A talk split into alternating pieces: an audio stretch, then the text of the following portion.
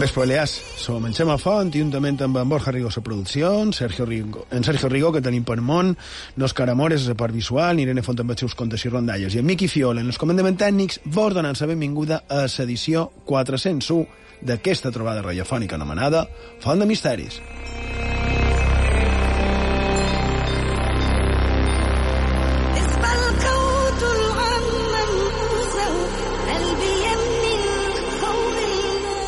Bon vespre, Borja Rigo. Bon vespre. Sergio Rigo, bon vespre. Bon vespre, Xema. Com va? Molt bé. Amem, la setmana passada, com que li volgueren dedicar el programa eh, a l'any 1622, mos va copar tot el temps d'allò que volien dir, que per cert varen quedar cosetes, si encara després les deim, però que per mort d'això no pogueren fer el nostre ja habitual comentari damunt d'una de les particularitats relacionat amb el tema de les músiques de, del programa i que, com sempre, els nostres més avispats oients se n'adonaren. Eh? Ara que missatge per Antoni, perquè ets una màquina, efectivament, la música en la que varen començar el programa la setmana passada, el programa 400, era l'única cançó que sense la sintonia del programa s'ha repetit. Eh? Va sonar en el primer programa, també en el 100, en el 200, en el 300 i també en el 400. El que va sonar va ser Alfa, d'Evangelis. I bé, és el nostre petit i, i particular homenatge a tot el que representa per nosaltres.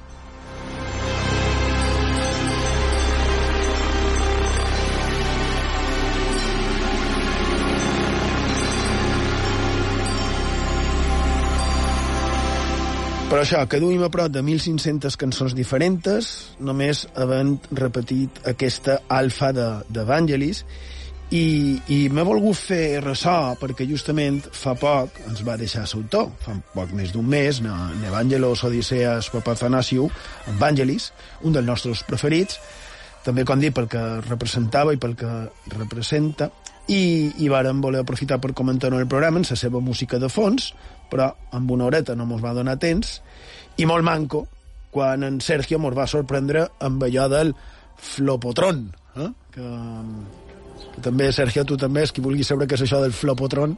Fricades. Que, fricades d'en Sergio Rigo. Què volies dir d'en Vangelis, Sergio? I de si bé, sobre la música d'en Vangelis, Xema, afegir un parell de, de dades curioses. Després de 50 anys de treball discogràfic, moltes al altres referents de la cultura han estat influenciats per sobre del grec. Anem a conèixer tres exemples. El primer és que l'àlbum 666, que el compositor va crear mentre formava part de la banda de rock progressiu i pop psicodèlic Aphrodite Child, va ser un dels més influents del moment. 666 és tota una fita de la música conceptual i va ser especialment elogiat pel pintor surrealista Salvador Dalí, que, per cert, aquest disc és una adaptació contracultural que narra la representació de l'apocalipsi que realitza un circ en viu enfront d'una audiència, mentre a l'exterior pren lloc la veritable apocalipsi. Al final, tots dos s'uneixen en un només.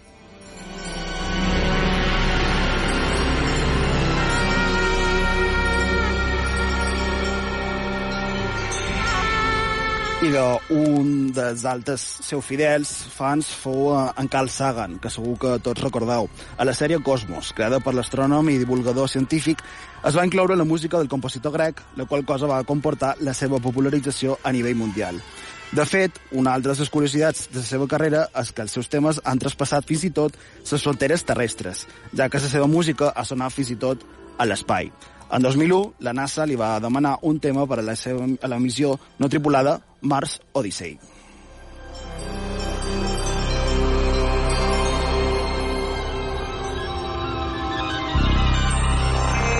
I finalment, entre els seus seguidors també apareix l'escriptor Arthur C. Clarke, autor de 2001, que va agrair a Evangelis que la seva, la seva inspiració per la seva novel·la 2010, Odissea 2. Així mateix, els fanàtics de futbol potser el coneixen per ser l'autor del tema principal de la Copa Mundial de Futbol Corea-Japó de l'any 2002.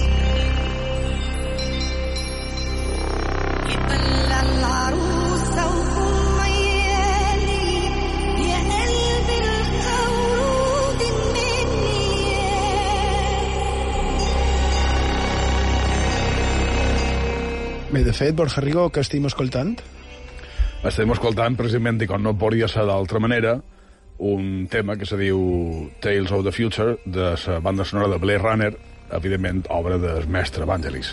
Com no podria ser d'altra manera. I ja que ets, Sergio, també, com no pot ser d'altra manera, d'altra manera podries dir de què parlarem avui, formes de contacte, i ja, si un cas, tot tornem a escoltar amb els ocellets de fons, amb els pardalets de, de fons, Que, per cert, sempre que se connecta pel món, sempre a ocells, ja no sé com ho fa. perquè se va a, a, a indrets bucòlics. Hem de- Efectivament. Hem de, recordar, Efectivament. hem de recordar que la primera psicofonia oficial de la història té molt que veure amb els ocellets. Mai se sap.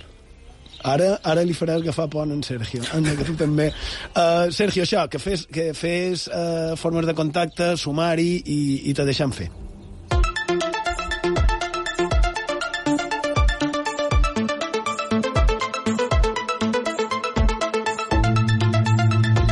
I bé, en aquest programa 401 de Font de Misteris, Xema Borja, el tema principal del programa el dedicarem a aprofundir a les figures desconeguts com a Sant Cabrit i Sant Bassa, uns personatges on s'emmasca la llegenda i la història, que haurien pagat car la seva fidelitat al rei de Mallorca. Per aquella darrere d'aquests fets, i una setmana més, torna Nirene Font en la seva secció Contes i Rondalles.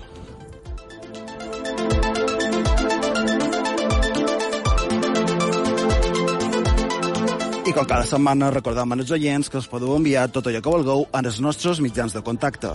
Ho podeu fer per WhatsApp i Telegram. El número de telèfon és 659 16 69 52. Ho repetim, 659 16 69 52. També ho podeu fer per correu electrònic fontdemisteris arroba ib3radio.com. Repetim, fontdemisteris arroba ib3radio.com. I mos podeu seguir a les xarxes socials. A Facebook i a Twitter ho podeu fer cercant Font de Misteris.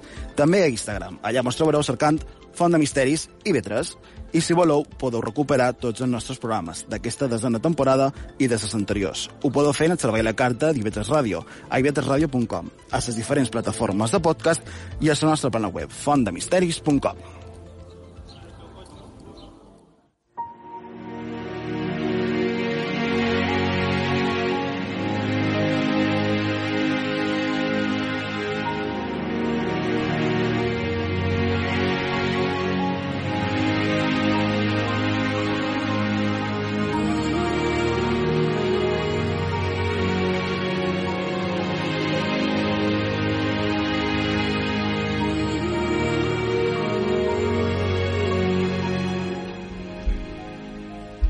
I de, en el darrer programa, la paraula no seria celebrar, però com a programa 400 me- se me va ocórrer mm, fer això una cosa, diguem que diferent, però sempre dins la línia del que fem a Font de Misteris, i per això farem una compilació de successos relacionats amb les nostres illes que haguessin succeït just fa ara 400 anys. I, clar, va sorprendre que, que cercant un any, eh, l'any 1622, es puguin trobar tantes coses relacionades no? amb, els, amb els continguts del programa. I la veritat és que sí, que clar, que crida l'atenció, però quan un comença a tirar del fil, és el que dèiem, comencen a sortir cosetes, no? I ses que varen quedar per dir. Com, per exemple, aquelles històries, deixa'm-ho dir així, Borja, aquelles històries de monges que tant t'agraden. És, és una gran veritat. Tampoc mos hem d'amagar en aquestes altures després de 400 programes, 401 so d'avui. Uh, sí, d'això va. Un cas fascinant protagonitzat per una monja clarissa que pertanyia al convent que s'ho trobava on a dia d'avui a Palma hi ha el mercat de l'Olivar. Era el convent de, de l'Olivar. Nomia Sol Isabel Bonet i l'any 1609 va patir un atac d'apoplegia que el va deixar sense poder caminar. A partir de l'any 1622, ara aquí ve l'any que, que hem comentat, i durant sis anys angustiosos, aquest mal se va gravar de tal manera que fins i tot va perdre la capacitat per xerrar. I per complicar més encara aquesta situació, la monja, durant un any, diuen que ni tan sols podia beure aigua a causa de les ferides que tenia a la llengua.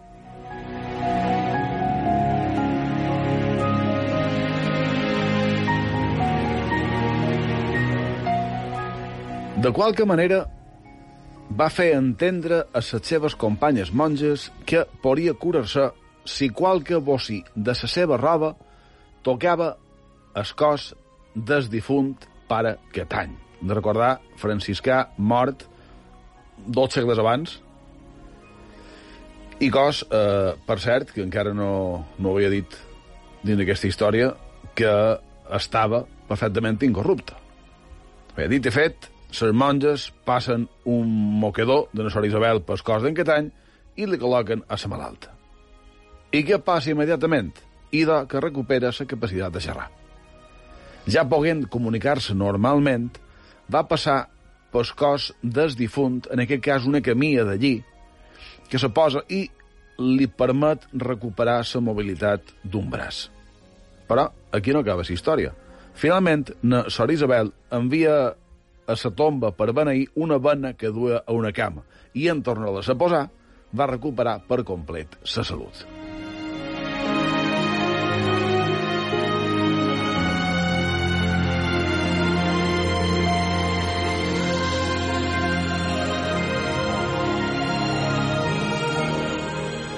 I això per contacte amb les restes del pare Catany, eh? com si fossin relíquies.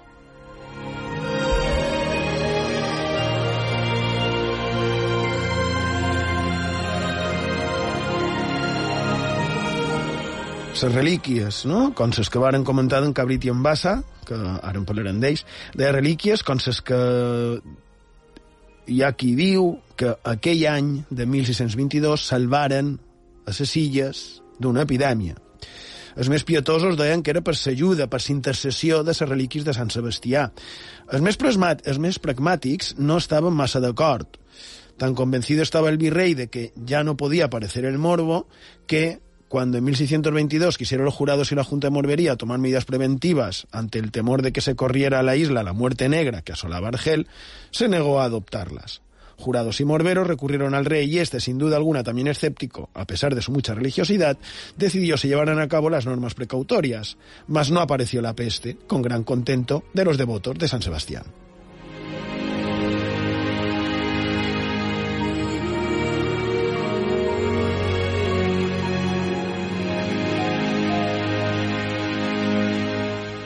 Aunque lo haría pocos años más tarde, en 1652, con tremenda violencia, a pesar de la reliquia.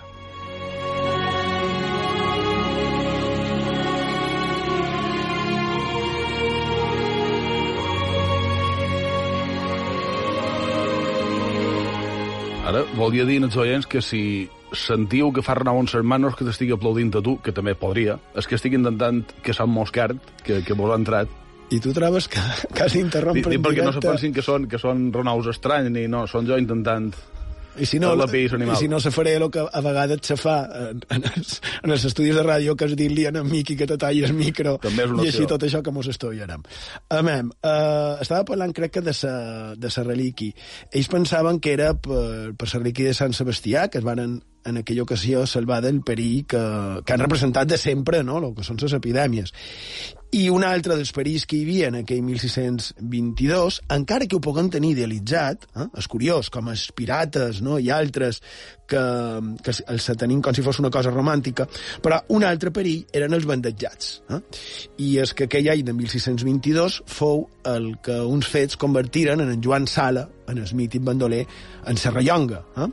Que més és molt curiós, perquè gràcies a la seva biografia vaig comprovar com mentre aquí es feien prerrogatives per plulles, a la vegada, allà per, per Osona, varen tenir una tormenta d'aquestes ferestes. No? I també, ja que estem en bandejat, va ser l'any que hi varen justiciar a Palma en Joan Rosselló, que era un bandejat ponyansí, que varen aglapir a Alacant. Eh? No sé si havia fugit mesclat amb els moviments repoblatoris de les comarques de la Marina Alta i de la Marina Baixa a la Cantina, o si bé se va fer bandejat allà. Però no era l'únic cas. Eh? En aquell any de 1622, el tema dels bandejats també era una cosa ben quotidiana.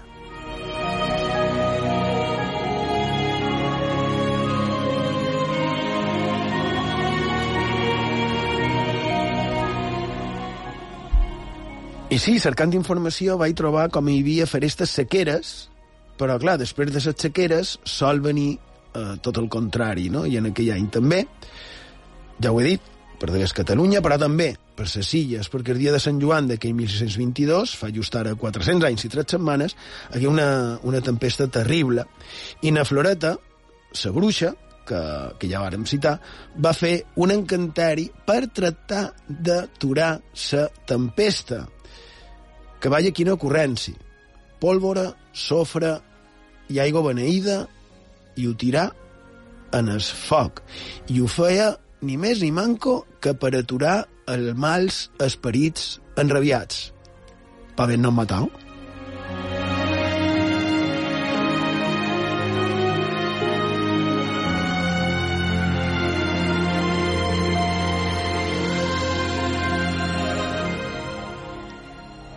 Era molt habitual pregar a les deïtats o les forces, eh, tampoc vull dir del mal, ni les forces amagades, ni tan sols bruixerils. Podríem dir en general que era molt habitual demanar les forces supranaturals per tractar de tenir el favor per aconseguir el que un volia. No? El que un volia i, i, i un vol, perquè encara segueixen fent segons quins rituals amb aquestes intencions d'aconseguir el favor de les deïtats.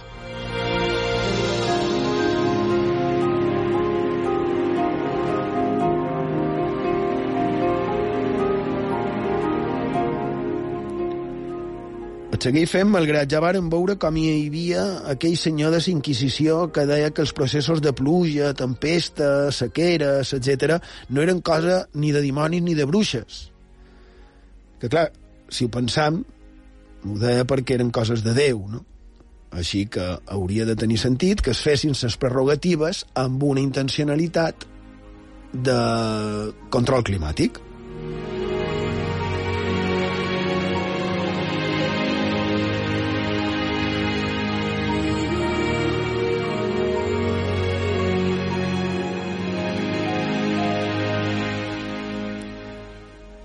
En el que anàvem, que arrel de tot el que vàrem estar comentant, fins i tot amb el tema de les sequeres, etc, va sortir el tema d'aquell dos que vaig estar comentant per damunt, en Cabrit i en Bassa, que vaig dir que eren sants sense seró, que van ser venerats com a tal i que a dia d'avui, com a molt, en general, jo crec que sonen com a cosa folclòrica, com a cosa llegendària, com a cosa dels contes i rondalles de Irene Font.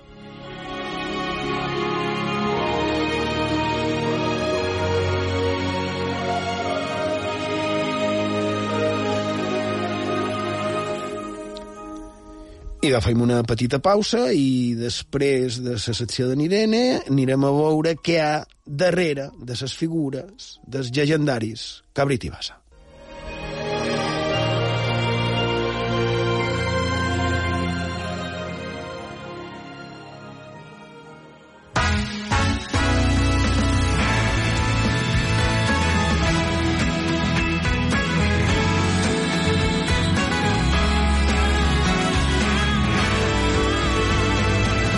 IB3 Ràdio, la ràdio pública de les Illes Balears.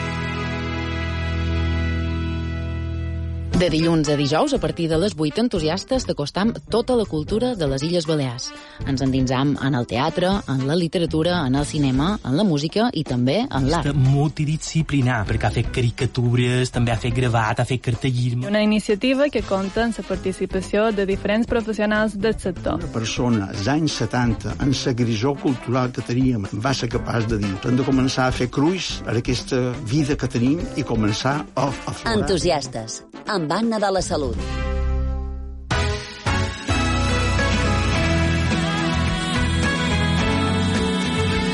Escoltau la ràdio pública de les Illes Balears.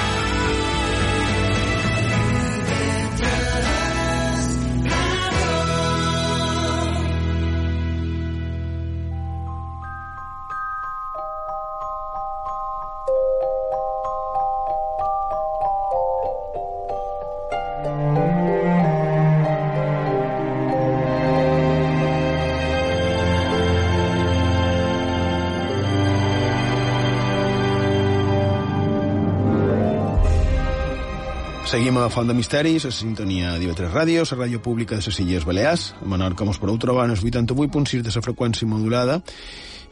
I bé, com he dit, això d'en de, Cabrit i en Bassa sona molt uh, aquesta secció que nosaltres anomenem Contes i Rondalles, on cada setmana en Irene Font mos du qualque contarella, qualque rondalla, que li hagi cridat l'atenció. Bon vespre, Irene. Bon vespre, Xema. No mos du res d'en Cabrit i en Bassa, no? Mm, No, això te deix per tu. El manco, de moment. Però avui el que duc és una altra rondalla del llibre de les rondalles que l'arxiduc no va publicar, de na Caterina Balriu Llinàs, que ja hem recomanat en qualque ocasió. Aquesta en concret s'anomena Escanelobre i està ubicada a Mallorca, concretament a Palma, i conta tal que així.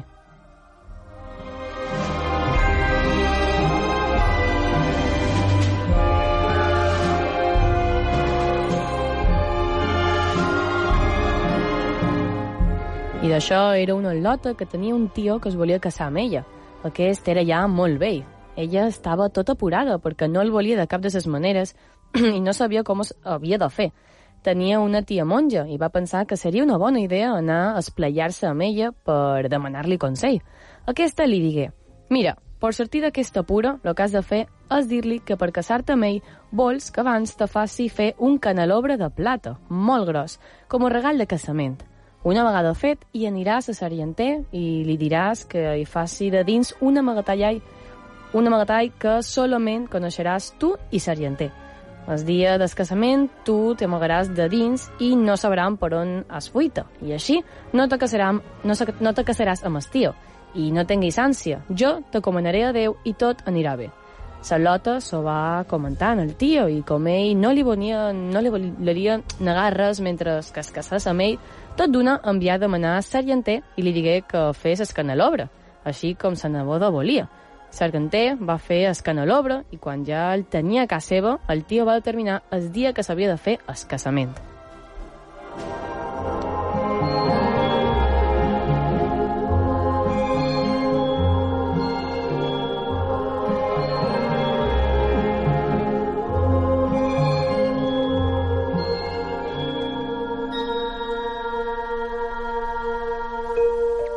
El vespre abans de casar-se, la neboda va dir que se n'anava dins el seu quarto a rentar-se els peus, però quan hi va ser, se tancà dins el canelobre i deixà dins el ribell de saigo dos coloms fremats perquè volguessin fugir i amb ses ales moguessin saigo i de de fora semblàs que era ella que encara es rentava els peus.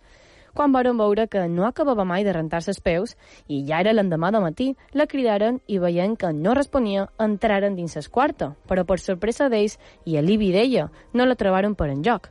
Però el tio no li va caure bé, ja que prengué tal trastorn que li pegà en escó i morí.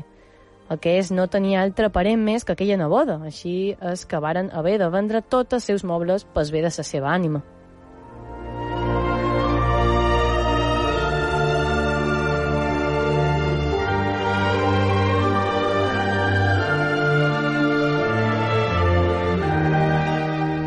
Un jove que estava per a casar va anar en aquella casa per veure si trobava qualque cosa que li convengués. I tot d'una que va veure el canelobre, se n'enamorà i el va comprar. Quan el tingué a casa seva, el va posar dins el lligador, perquè com era de molt de valor i molt atractiu, el volia tenir a bon lloc. La lota, que encara seguia de dins, tenia molt de menjar, però s'estava quedant sense aigua. Així que un vespre sortí de puntetes i trobà el pitxer d'aigua que servia per a rentar-se aquell joves de matins. La va prendre tota i se l'endugué dins el canelobre. El dia següent, següent quan l'amo del canelobre es volgué rentar, no trobar aigua dins el pitxer i la primer que va pensar va ser que el criat no havia pensat omplir-ho. El vespre que vengué davant, la lota tornà a sortir de dins el canelobre i va buidar el pitxer. L'endemà de matí, el jove va tornar a veure que no hi havia aigua i li va donar una bona renyada en el criat. Aquest, confús però decidit, li llorà i perllorà que ell cada vespre deixava el pitxer ple. Però el senyor, quan va veure que el tercer de matí el pitxer també estava buit, no el cregué i ell mateix va anar a mirar abans d'anar-se'n a lleure si hi havia aigua. Però quin xasco va prendre quan l'endemà de matí tornà a trobar el pitxer ben buit.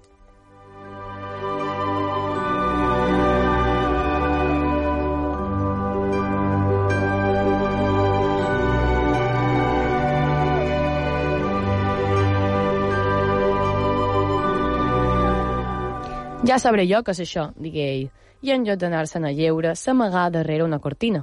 A la mitjanit, acte seguit de sentir el rellotge, surt Solota de dins el canelobre. Quan aquell jove la va veure tan hermosa i tan bella, va quedar estorat i sense paraula. Solota se n'anà en el pitxer i prengué aigua, però quan estava tornant al canelobre, pegà un crit al veure aquell home sortint darrere sa cortina. Qui ets tu que cada vespre me prens aigua? Ets una dona o ets un espírit? li digué ell. Ella es va agenollar en els seus peus i li digué «Oh, perdona'm per amor de Déu, jo som una pobra lota desgraciada que m'ha passat una cosa horrible» i li contà tot el que li havia succeït. Ell la va fer aixecar tot d'una i li digué que no tingués ànsia de res, que no li faltaria ni menjar ni de beure. Com més la mirava, més li agradava, i tant li agradà que li digué que si es volia casar amb ell, que la volia per esposa, perquè que ell estigués per a casar amb un altre era perquè això desitjava la seva família, però que des de que l'havia vista ella, Escó ja no era seu i l'estimava molt.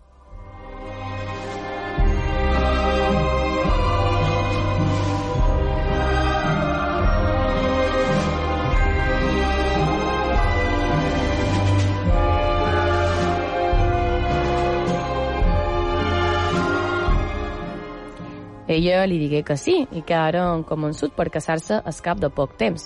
Amb això, ell, per tenir una excusa per deixar l'altra Lota, amb qui també estava a punt de casar-se, se n'anà a casar i digué que quan ell no estigués, quedava prohibida l'entrada a la seva habitació i, en conseqüència, tocar el canelobre.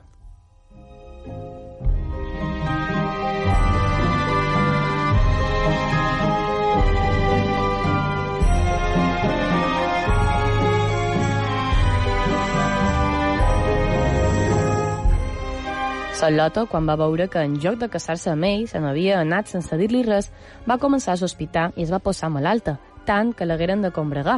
Abans d'això, els seus s'anaren a demanar el canelobre per tenir-lo a casa seva ple de ciris encesos per al moment de rebre el bon Jesús.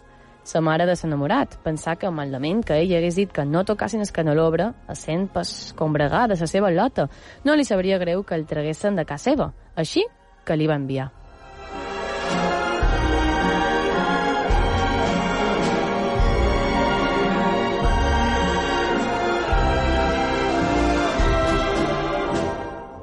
La combregaren, però la lota que estava dins el canelobre, amb la faró de ciris i el baf d'esquarta de la malalta, no podia aguantar pussellada dins perquè quasi s'acubava i hagué de sortir.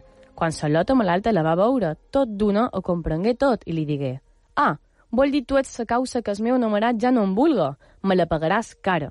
I tot d'una va cridar dos criats i li digué que se l'enduguessin a una possessió que tenien a casa seva, molt arraconada dins la muntanya, i que ja, la deixassen sense calces ni sabates a dins un camp d'aritges i gatoves.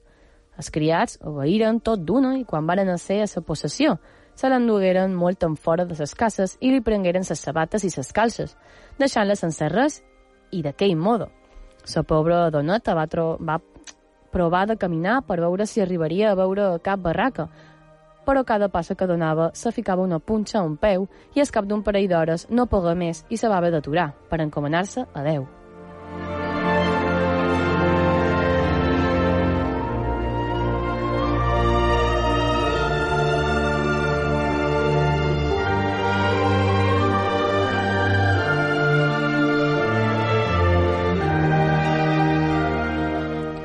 Quan el jove tornà de caçar i va veure que li faltava el canelobre, tot d'una l'envià a cercar, però quan va veure que estava buit, fugí de casa seva i se n'anà a cercar aquella lota.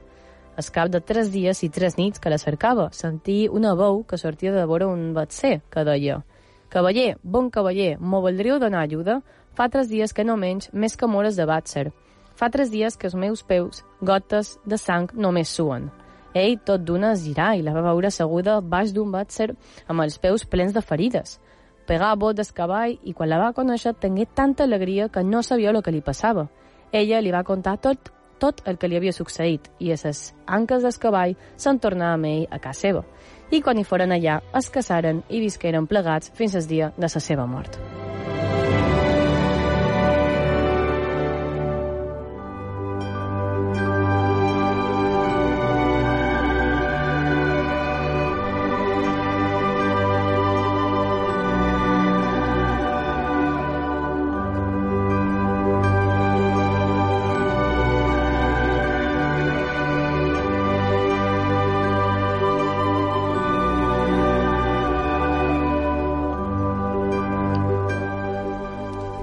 De podríem dir que és una atípica, típica rondalla on es mesclen molt de conceptes i on també trobem detalls que ens recorden a, a altres rondalles semblants, no? Però jo me vull quedar amb una frase, només amb una. La que li diu ell quan la va veure compareixer, quan ella surt d'aquell canelobre, no? Que ell li diu, ets una dona o ets un esperit?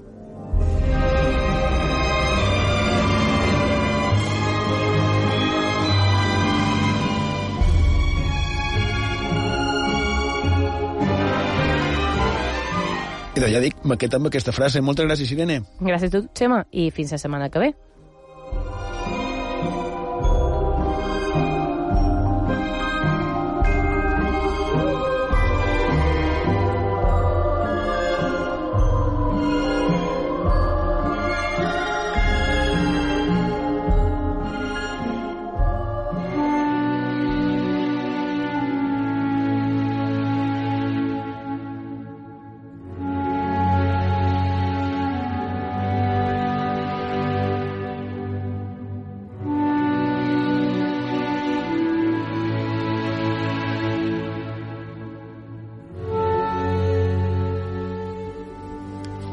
De la veritat és que amb el tema anem en encabrit i en bassa. I de, amb el tema aquest, estem en un d'aquests casos ben sorprenents, on jo crec que si ho demanàssim, la gent tindria disparitat d'opinions, no? Hi hauria qui diria que són simplement uns personatges de les nostres llegendes i també qui deu pensar que es tractaria d'uns personatges reals que defensaren el darrer reducte que era fidel a Jaume II de Mallorca quan part del seu regne fou invadit pel seu nebot. I sí, això va ser així. El fill d'en de, Pere III, net de Jaume I, va venir a les actuals Balears per sotmetre-les en el seu poder. Anem a veure el per què.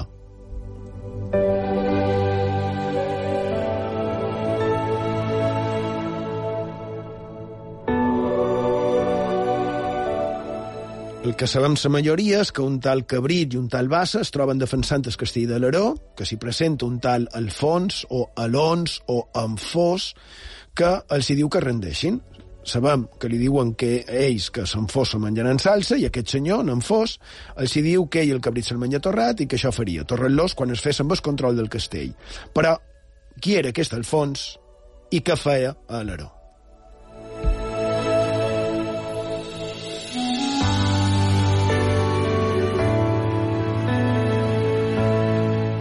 No mos complicarem massa. Jaume I, el conqueridor, reparteix el seu regne entre els seus dos fills majors. En el major, en Pere, li deixa Aragó, València i el comtat de Barcelona, i en el segon, en en Jaume, li deixa el regne de Mallorca, en Menorca com a feudatària, també Eivissa, els comtats de Rosselló, el Conflent, la Cerdanya i el vescomtat de Carlades i el comtat de, de Barcelona.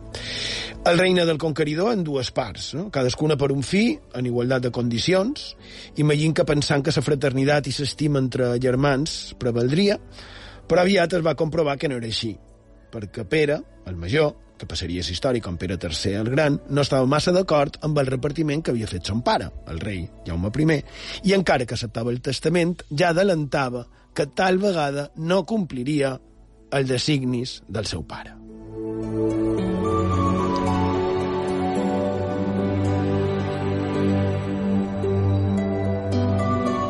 L'any 1262 el rei Jaume I va deixar ja decidit el testament, que es va ratificar l'any 1272. En Jaume I va morir el 1276, i de 15 anys abans, davant de les Corts de Barcelona, es dugué a terme la signatura del que cadascú heretaria.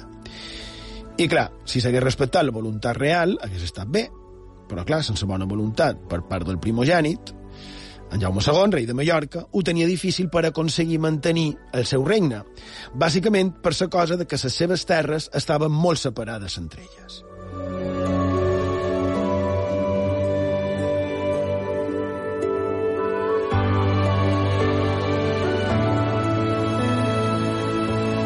Era un regne ric, però mal de defensar en cas de necessitat, que no havia de passar res, perquè el rei Jaume I ho havia deixat ben clar, però Jaume II coneixien el seu germà i, i el seu tarannà i sabia que abans o després tindrien moguda. No?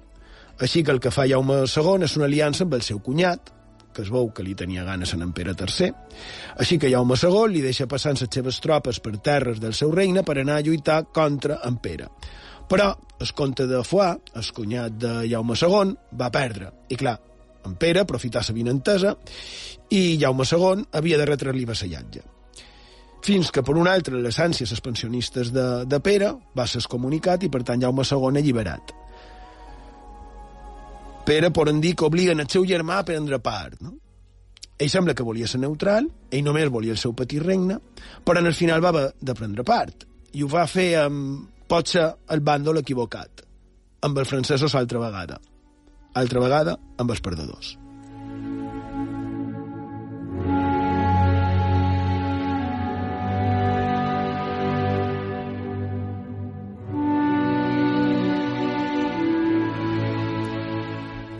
El rei Pere, a les portes de la mort, li ordenen al seu fill que anés a conquerir Mallorca, que no esperés, que endavant.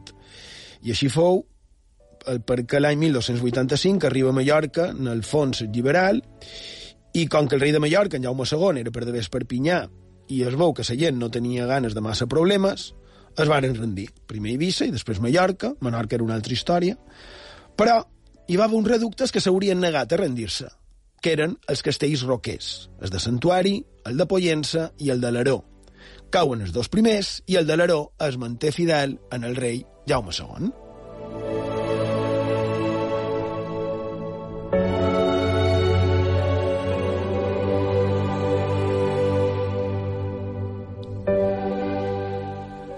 I és en aquell moment que s'hauria produït aquella mena de diàleg entre els defensors i el propi rei d'Aragó.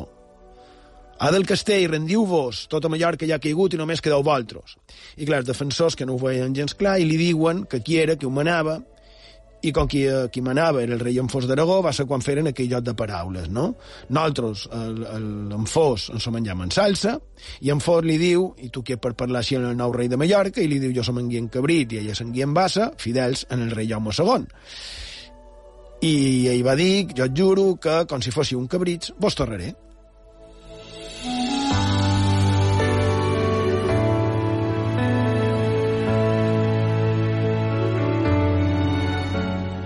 I, segons mos conta la tradició, així ho va fer.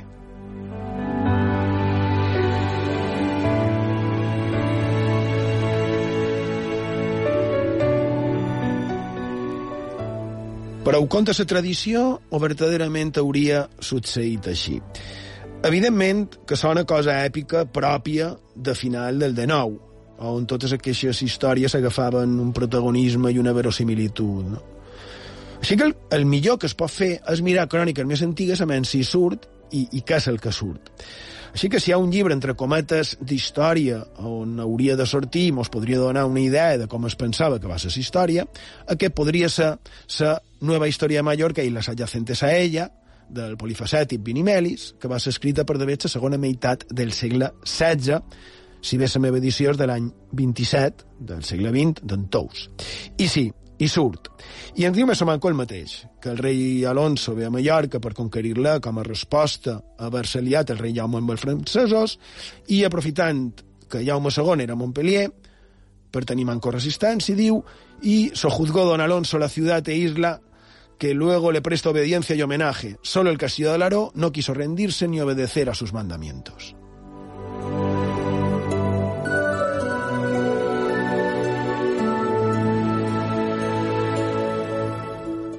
Per aquest motiu mos diu que el rei personalment, el rei Alfons, es va dirigir cap a l'Aró i hauria tingut allà la conversa que més o manco ja han comentat. En aquest cas, del segle XVI, diu que hauria estat així. Diu, ¿Quién es ese que nos manda le entreguemos el castillo? Díjole el rey, yo soy Anfós, rey de Aragó y de Mallorca. A esto respondió el guardia con otro donaire. Anfós bien guisado comen los hombres y no creo que haya rey que tenga nombre de pescado, pero nosotros a ningún otro reconocemos por rey y por señor que al rey don Jaime, a quien tenemos jurado obediencia e inviolablemente se la debemos. Preguntó el rey quién era aquel que con tanto desdén hablaba, y respondió el mismo guarda diciendo, yo soy cabrito y este mi compañero se llama Basa. Indignado entonces el rey, movido de cólera, dijo, yo te juro, cabrito, que te tengo de asar al fuego a modo de un cabrito. Y així ho hauria fet.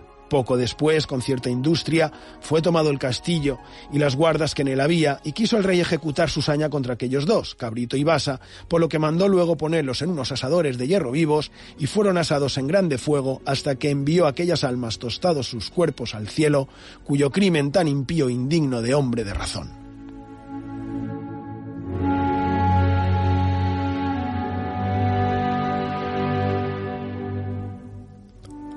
Més o manco com les altres versions, després mos explica el que hauria succeït, principalment com va recuperar Jaume II Mallorca, però malgrat anar donant dades precises, sí que hi ha dues paraules que són dignes de menció. Fuesen comprendidos Cabrit y Basa los que por guardar la fe que habían jurado a su rey, padecieron, como dicen, gloriosamente el martirio y mandado que cada año... Bé, com dicen, és a dir, que dona a entendre que era més bé dit jo com una tradició, com si pot ser aquella història no s'hagués produït, com si aquells dos, en Cabrit i en Bassa, no haguessin existit, o el manco, aquell martiri, per la seva fidelitat en el rei de Mallorques.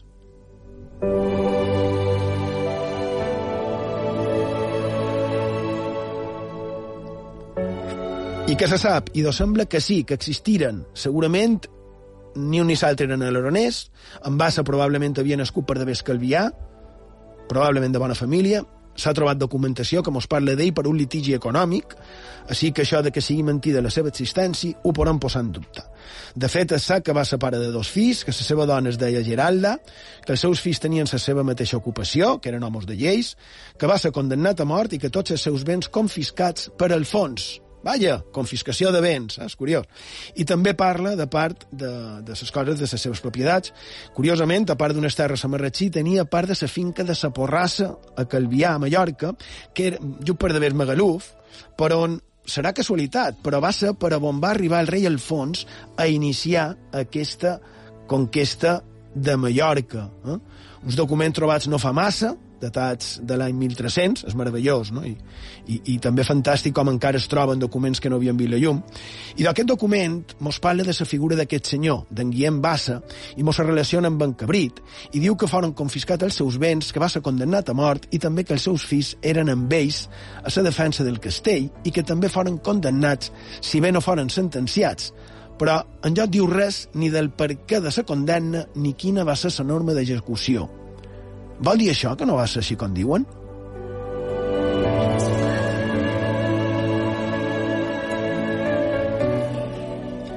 perquè realment des del document del 1300, que s'ha trobat fa relativament poc, fins als d'haver el 1500, ningú no parla de ser torrats com a cabrits, i m'agrada la teoria d'en Gabriel Sastre i Antoni Ordinas, del llibre Alaró Aspectes Històrics Costum, Costums i Tradició de l'any 79, on mos diu que tal vegada el que hauria passat és que no es va apuntar les cròniques per pressions. Sí, curiós el detall, no?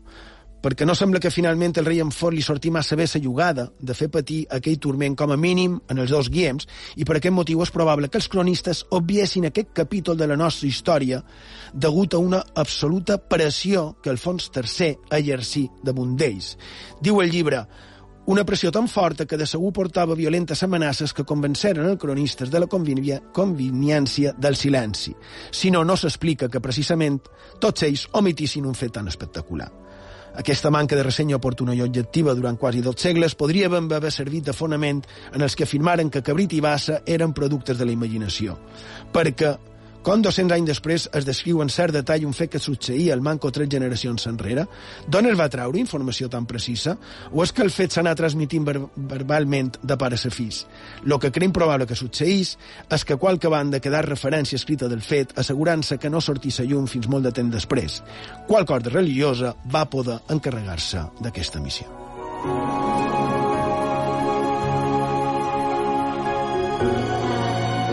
Manipulació informativa fa 700 anys. Eh? Potser encara ha de sortir el document que constati això. Però degué ser gros i probablement real. Dic real de cert, de veritat, perquè tenim el fet històric de que arrel de la conquesta submissió de Mallorca, el papa Honori IV va excomunicar el rei Enfos III per extralimitar-se en les seves actuacions. I per què es va ficar el papa de Roma?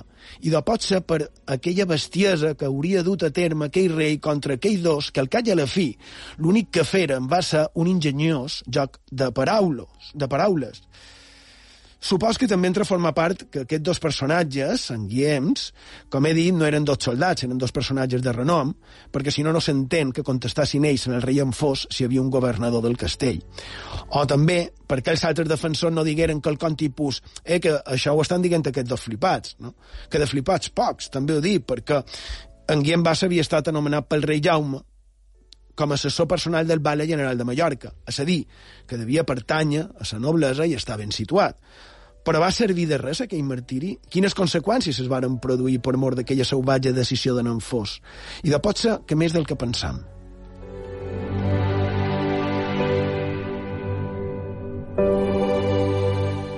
És cert que en aquella època tampoc esteava moltes hores de fer petit tormenta seient, però en aquell cas els dos guiems no varen cometre un delicte de regicidi, no varen atentar contra ell, simplement varen defensar el que per ell serà el seu regne i la seva fidelitat en, eh, en el rei, que encara que Mallorca ja era sotmesa, ells potser no ho sabien, no? Una mica la història de darrers de Filipines, no? I de, quan es rendiren no van ser tractats com a criminals, eh? En els de Filipines, i en aquest cas és una mica semblat, semblant. No era exagerat per un, entre cometes, graci sotmetre en aquell càstig com a mínim a dos nobles i pot ser més gent, i com que era una barbaritat, quines foren les conseqüències? I tan atroz género de suplicio divulgóse por Italia, Francia, Castilla y Mallorca, y no conviniendo quedase impune tal enormidad, presto el rayo de la excomunión pontificia hería la frente de don Alfonso, el cual, lleno de pena y confusión, suplicó al Papa absolviese al, arrepentido que pedía penitencia. Se le perdonó el delito bajo la condición de que restituyese a don Jaime, su tío, el reino de Mallorca y todo lo demás, y que mandase edificar un altar y erigir una, bueno, una honra a Dios, el alabanza a la Virgen, etcétera entre los cuales fuesen comprendidos Cabrit y Basa, los cuales, por no quebrantar la fidelidad y el juramento a su señor rey, habían prestado, padecieron martirio. Y también que cada año en la Seu de Mallorca, la dominica que sigue a la festividad de todos los santos, se celebrase fiesta a todos los mártires.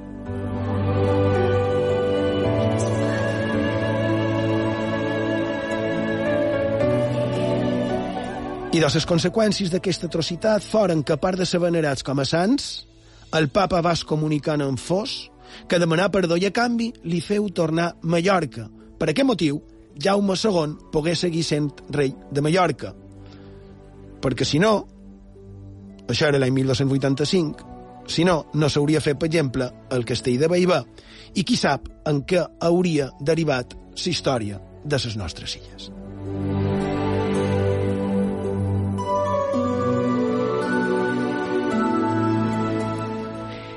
Ha moltes més particularitats i sorpreses damunt d'això, perquè, per exemple, vos heu fixat en el santoral, quan nosaltres parlam de qualque sant, pensàvem en Sant Joan, per exemple, o Sant Antoni, o Sant Guillem, però en aquest cas Sant Cabrit i Sant Bassa, per ginatge. Per què s'obvia el nom?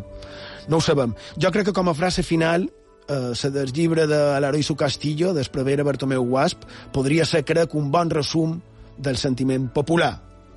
Gloria y honor a los ínclitos corifeos de la fidelidad jurada a la dinastía mallorquina.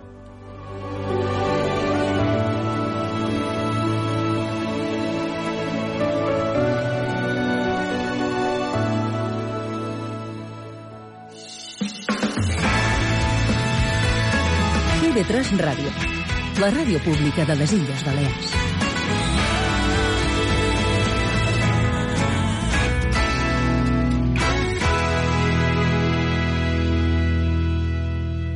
Perquè ens preocupa el medi ambient i ens agrada la ciència, cada dissabte us convidam a viatjar a bord del Nautilus. Però no just navegarem per l'oceà de l'ecologia, la investigació i la natura. També farem una ullada al cel, als planetes, les estrelles... Us esperam a IB3 Ràdio per parlar d'ecologia, geologia, investigació, astronomia i tot allò relacionat amb la ciència i el medi ambient. Dissabte de 12 a 2, Medi Ambient i Ciència a IB3 Ràdio. El Nautilus, amb Cristina Manda Tur.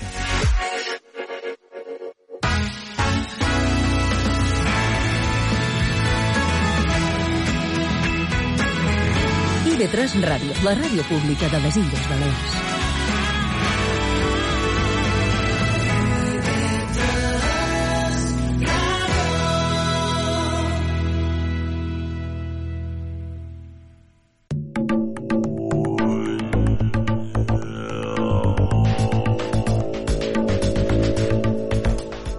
Hem arribat a la fi del programa d'avui. Esperem que hagueu passat una estona agradable i que hagueu pogut treure qualque cosa de profit d'aquesta font de misteris.